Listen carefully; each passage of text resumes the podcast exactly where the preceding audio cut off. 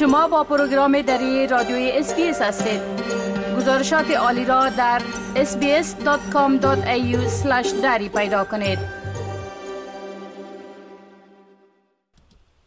شنونده های عزیز در ماه نوامبر کارزار تحت عنوان Movember در استرالیا انجام میشه حال همکار خود فتح سامی را با خود داریم که اونا در بار پس منظر ای کارزار و همچنان دبار هدف و شیوه برگزاری ای کارزار معلومات میتن. آقای سامی سلام عرض می‌کنم. خب اولتر از همه اگر لطفا درباره پس منظر اصطلاح بر معلومات بتین که ای چی است؟ علیه سلام به شما و شنوندای محترم. خدمت هر شد که بر از ترکیب دو کلمه یا دو واژه ساخته شده که حرف اول مستاشس یعنی برود در انگلیسی و بعد از او نوامبر ایواد نوامبر موومبر موندن و این نهاد مردان بروتی است. در سال 1999 یعنی 23 سال قبل معمول شده. بار اول یک گروهی از جوانان در شهر ادلیت واقع در استرالیای جنوبی در یک شب در داخل رستوران و در یک میخانه که تعدادشون به 80 نفر می‌رسید تصمیم گرفتن که در ماه نوامبر بروتای خود تراش نکنند. پس از این مدت کوتاه این مفکوره نه تنها در استرالیا بلکه جهانی شد. در ابتدا هدفشون جمعوری پول و احانه بود برای انجمن سلطنتی برای جلوگیری از ستمگری و بیرحمی علیه ایوانات اما حالت جمهوری پول از طریق فروش پیرانه های آستین کوتا که تیشرت میگنش و گذاشتن برود و نام رشد برود برای بروتی ها این آغاز شد. و همین شعار. در سال 2004 گروه دیگر در ویکتوریا به اشتراک سی نفر تصمیم گرفتن تا برای سی روز در ماه نوامبر برود بمانند تا مردم از خطر سرطان پروستیت و مشکل افسردگی آگاهی دهند.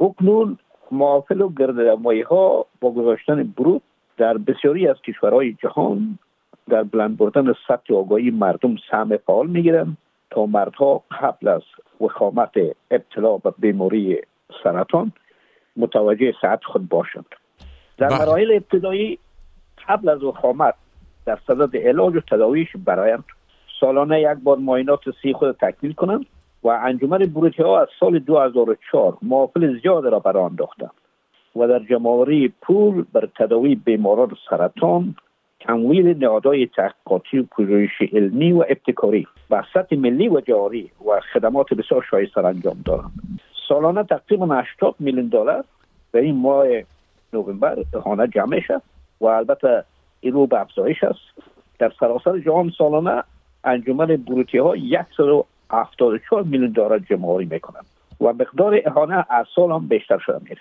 از آغاز فعالیت تا کنون نهاد Movember یا Movember Foundation مقدار 835 میلیون دلار جمعآوری کرده و یک 1200 پروژه صحت و بهداشت مردا ره در بیشتر از 20 کشور تمویل کرده است. یعنی خدمات بسیار بزرگ را انجام بله یعنی هدف ای کارزار و ای برنامه که راه اندازی میشه در ماه نوامبر بلند بردن آگاهی بار صحت مرداس و همچنان تشویق مرداس به ای که به صحت خود توجه کنه و ماینات انجام بده به خصوص ماینات سرطانی و ماینات سرطان پروستات یا پروستیت انجام بتن بله. و در پالوی ازی همچنان که شما گفتین در ایما ای انجمن و یا امی نهاد که هست به نام ای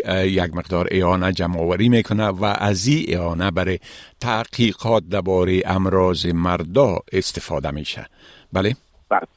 بله. جلوگیری از مرگ نابهنگام مردها در سن جوانی تا سال 2030 این برنامه Movember است که میزان مرگ و میر ره از ناحیه امراض سرطانی prostate خصیه ها و افسردگی به 25 درصد کاهش بدهند. میزان خلای توقع حیات عبارت از life expectancy یاد میشه بسیار مهم است. بین مرد و زن به نصف تقلیل بدن. تاثیرات جانبی ناشی از تداوی امراض سرطانی را کسایی که یا توسط دوا و یا شعا تاثیرات جانبی داره او را هم به نصف تقلیل بدن. این برنامه شان طور اوسط مردها شش سال قبل از زنها میمیرند. در استرالیا علت اصلی مرد در میان مردها خودکشی است. از چهار کسی که خودکشی می‌کنه سه نفرش مرد هستند بیشتر از نیم میلیون مردها سالانه انتحار می‌کنن و در 15 سال اخیر درجه سرطان prostate هم دو چند بلند رفتن. بنابراین یکی از اهداف عمده برگزاری ماه Movember یا از طریق Movember Foundation همی استه که باید در مقابل امراض سرطانی خود مردم اعانه میتن نه کدام نهاد دولتی و سهم بسیار البته انسان دوستانه را انجام بله. خب آقای سامی اگر کسی بخواهد که در این کارزار سهیم شوه و یا معلومات بیشتری را بعد است بیارن این کار از چی طریقی کدم ایتانن بله اگر گوگل کنن در صفحه به نام مو براس M O B R O S یعنی برادران بروتی. همینجا هدایات و نمایی بسیار زیاد وجود داره می‌تونه از استفاده بکنن. ناگفتن نمونه پول احانه که از مالیات وارد میشه هر کس می‌تونه سم بگیره و محفله دایر بکنه و یا با سازمان های دیگه شریک شوند و از پول مالیاتشان کسی که سم می‌گیره کم میشه. اما اگر خواسته باشند می‌تونن که به شماره تلفن 13 11 14 و یا 1300 659 467 زنگ بزنن و می‌تونن در اونجا بسیار با آسانی معلومات بیشتر و مورد نظر خود به دست بیارن. بله خب آقای سامی از این معلوماتتان یک جهان تشکر و فعلا شما را به خدا می سپارم. روزتان خوش. همچنان شما لطف کنید. خدا حافظ.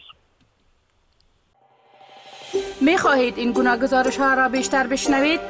به این گزارشات از طریق Apple Podcast، Google Podcast، Spotify و یا هر جایی که پادکاستتان را می گیرید گوش دهید.